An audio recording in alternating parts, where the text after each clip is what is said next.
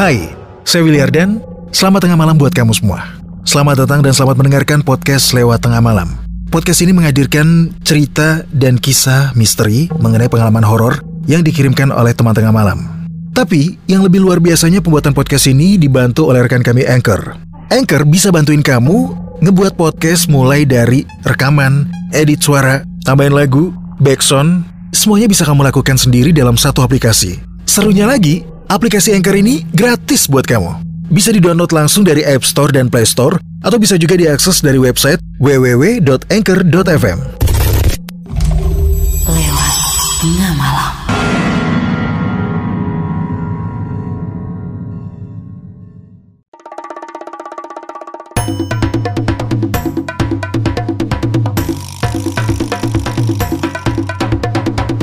Kini Podcast Network. Selamat tengah malam, kamu lagi mendengarkan podcast lewat tengah malam bersama saya Willy Ardan.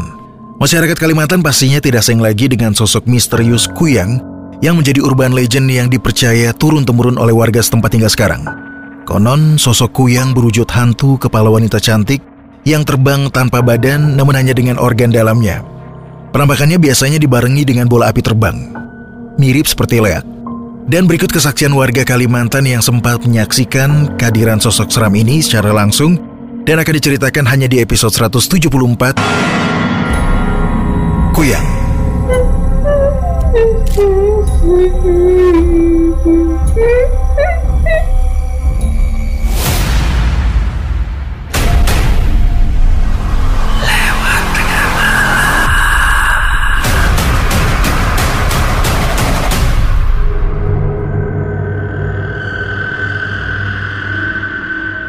Kejadian cerita horor Kalimantan Timur kali ini datang dari Doni Alvaredo Kambayong. Doni merupakan masyarakat asli yang lahir dan besar di Kalimantan Timur. Dia juga sudah tahu jika seseorang bercerita tentang hantu-hantu yang ada di Kalimantan. Salah satunya sosok misterius Kuyang. Kuyang sendiri merupakan sosok hantu berwujud kepala manusia. Organ tubuhnya menggantung dan biasa berkeliaran di malam hari, dan ini menjadi cerita yang banyak dibicarakan oleh masyarakat Kalimantan. Percaya atau tidak, sosok ini digambarkan oleh masyarakat setempat, kepala terbang dengan organ tubuh yang menggantung. Mangsa dari Kuyang adalah wanita yang sedang hamil atau wanita yang baru saja melahirkan. Karena Kuyang sangat menyukai darah manusia. Bahkan jika dia tidak menemui wanita yang melahirkan, dia bisa mengisap darah menstruasi wanita dari pembalut yang dibuang sembarangan. Doni tinggal di pinggiran kota dan dia mendengar lokasi di mana menjadi persembunyian sekaligus sarang dari Kuyang. Sosok astral ini berada di antara tiga kampung di dalam hutan Balikpapan Timur. Dia bersembunyi di hutan, sekarang hutan di pinggiran kota sudah banyak berkurang seiring pembangunan daerah. Nah, waktu Doni masih duduk di sekolah dasar, awalnya dia hanya mendengarkan cerita seputar Kuyang dari beberapa temannya. Bahkan dia dulu sempat berpikir bahwa itu hanya mitos belaka. Meski awalnya Doni tidak percaya adanya sosok yang dinamakan Kuyang, tapi akhirnya dia menyaksikan sendiri kejadian di luar nalar itu. Kejadiannya terjadi kepada pasangan suami istri yang merantau di Kalimantan dan mengontrak di sekitar rumah Doni. Nah saat itu istrinya sedang hamil dan tetap harus bekerja di saat kondisinya sedang berbadan dua. Sebenarnya warga kampung atau warga sekitar sudah memperingati wanita tersebut agar tidak pulang terlalu larut malam. Apalagi jika tidak ada yang menemaninya. Sampai wanita tersebut pulang lewat jam 11 malam dan dia melewati jalan pintas, melewati kebun kelapa. Dan keesokan paginya, wanita tersebut kaget karena dia mendapati perutnya sudah kempes dan tidak ada janin di dalam perutnya. Doni juga bercerita ada satu kejadian yang berhubungan dengan wanita hamil yang kebetulan adalah kakak iparnya. Dia pergi untuk berbelanja lalu pulang malam. Hingga tiba-tiba ada seorang nenek yang datang menghampirinya dan bertanya usia kandungannya. Sambil mengelus perut perempuan itu. Rupanya perempuan ini tidak mengetahui urban legend tentang cerita kuyang Bahkan dia tidak mengetahui apa itu kuyang. Sampai perempuan itu membiarkan perutnya disentuh oleh nenek tersebut yang terus mengelus perutnya. Sesampainya di rumah, si ibu hamil itu merasakan sakit perut yang luar biasa. Sampai-sampai dia berpikir dia akan melahirkan. Dan akhirnya wanita itu dibawa ke rumah sakit untuk menjalani persalinan. Sayangnya, saat dia berjuang untuk melahirkan, anaknya sudah tidak bernyawa lagi.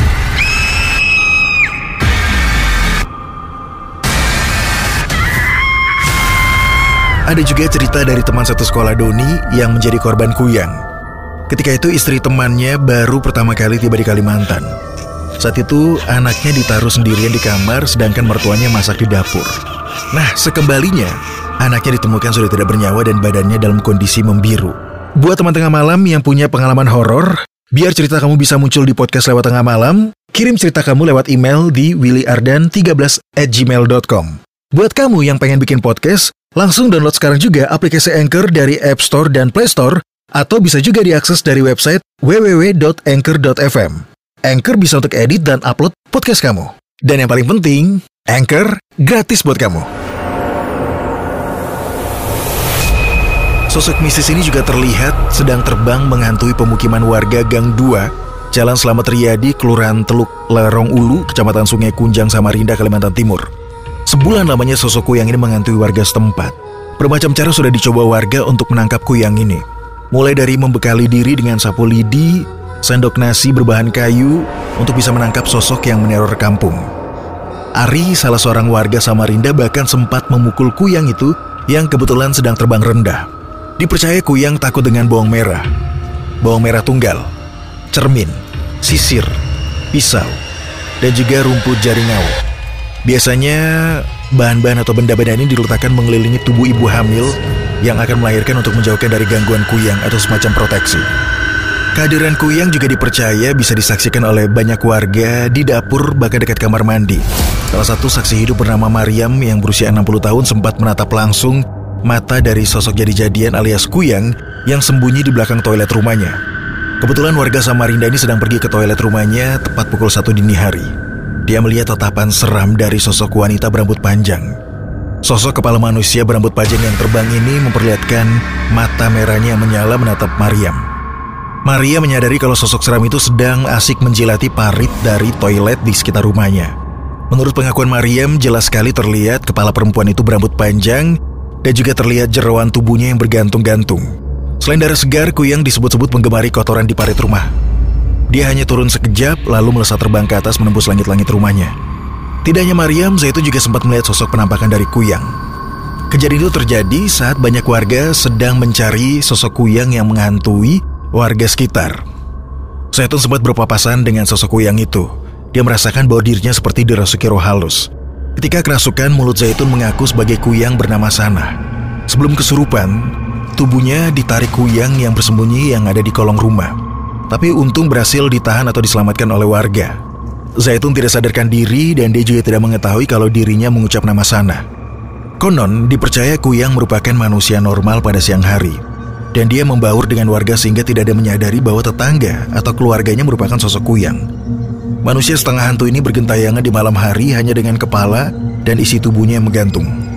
Sosok Kuyang juga diyakini merupakan ilmu turun-temurun warisan dari nenek moyang di masa lalu. Konon ini dipercaya sebagai ilmu hitam yang dipelajari untuk mencapai keinginan tertentu. Mereka yang terkena kutukan saat mempelajari ilmu hitam harus mewariskan ilmunya itu kepada anaknya turun-temurun khususnya yang berjenis kelamin perempuan. Menurut buku kumpulan kisah nyata hantu di 13 kota menerangkan, Kuyang berterbangan mencari darah segar dari ibu yang baru saja melahirkan atau bahkan darah bayinya sendiri. Dipercaya memiliki dua taring di mulutnya. Untuk menipu korbannya, Kuyang bisa mengubah dirinya menjadi burung atau kucing. Bahkan dipercaya jika sosok Kuyang terus-menerus meminum darah, dipercaya kekuatan magisnya akan terus bertambah dan dia akan awet muda. Biasanya sebelum mengejar korban, Kuyang akan mencari dulu sasarannya. Kemudian dia akan mengusap perut ibu hamil besar yang akan melahirkan sebelum beraksi di malam hari. Ketika menjadi manusia, Kuyang akan menutupi guratan di lehernya dengan rambut panjangnya dan kain selendang agar tidak kepanasan saat terpapar sinar matahari. Dari beberapa kejadian yang terjadi mungkin masih banyak yang belum mempercayai dan belum bisa dibuktikan secara ilmiah urban legend dari sosok misterius Kuyang. Namun, bagi mayoritas masyarakat di Kalimantan Timur, hal tersebut sangat dipercaya. Semoga kisah ini dapat diambil pelajaran dan terus beribadah kepada Tuhan untuk selalu diberikan keselamatan dan perlindungan bagi kita semua.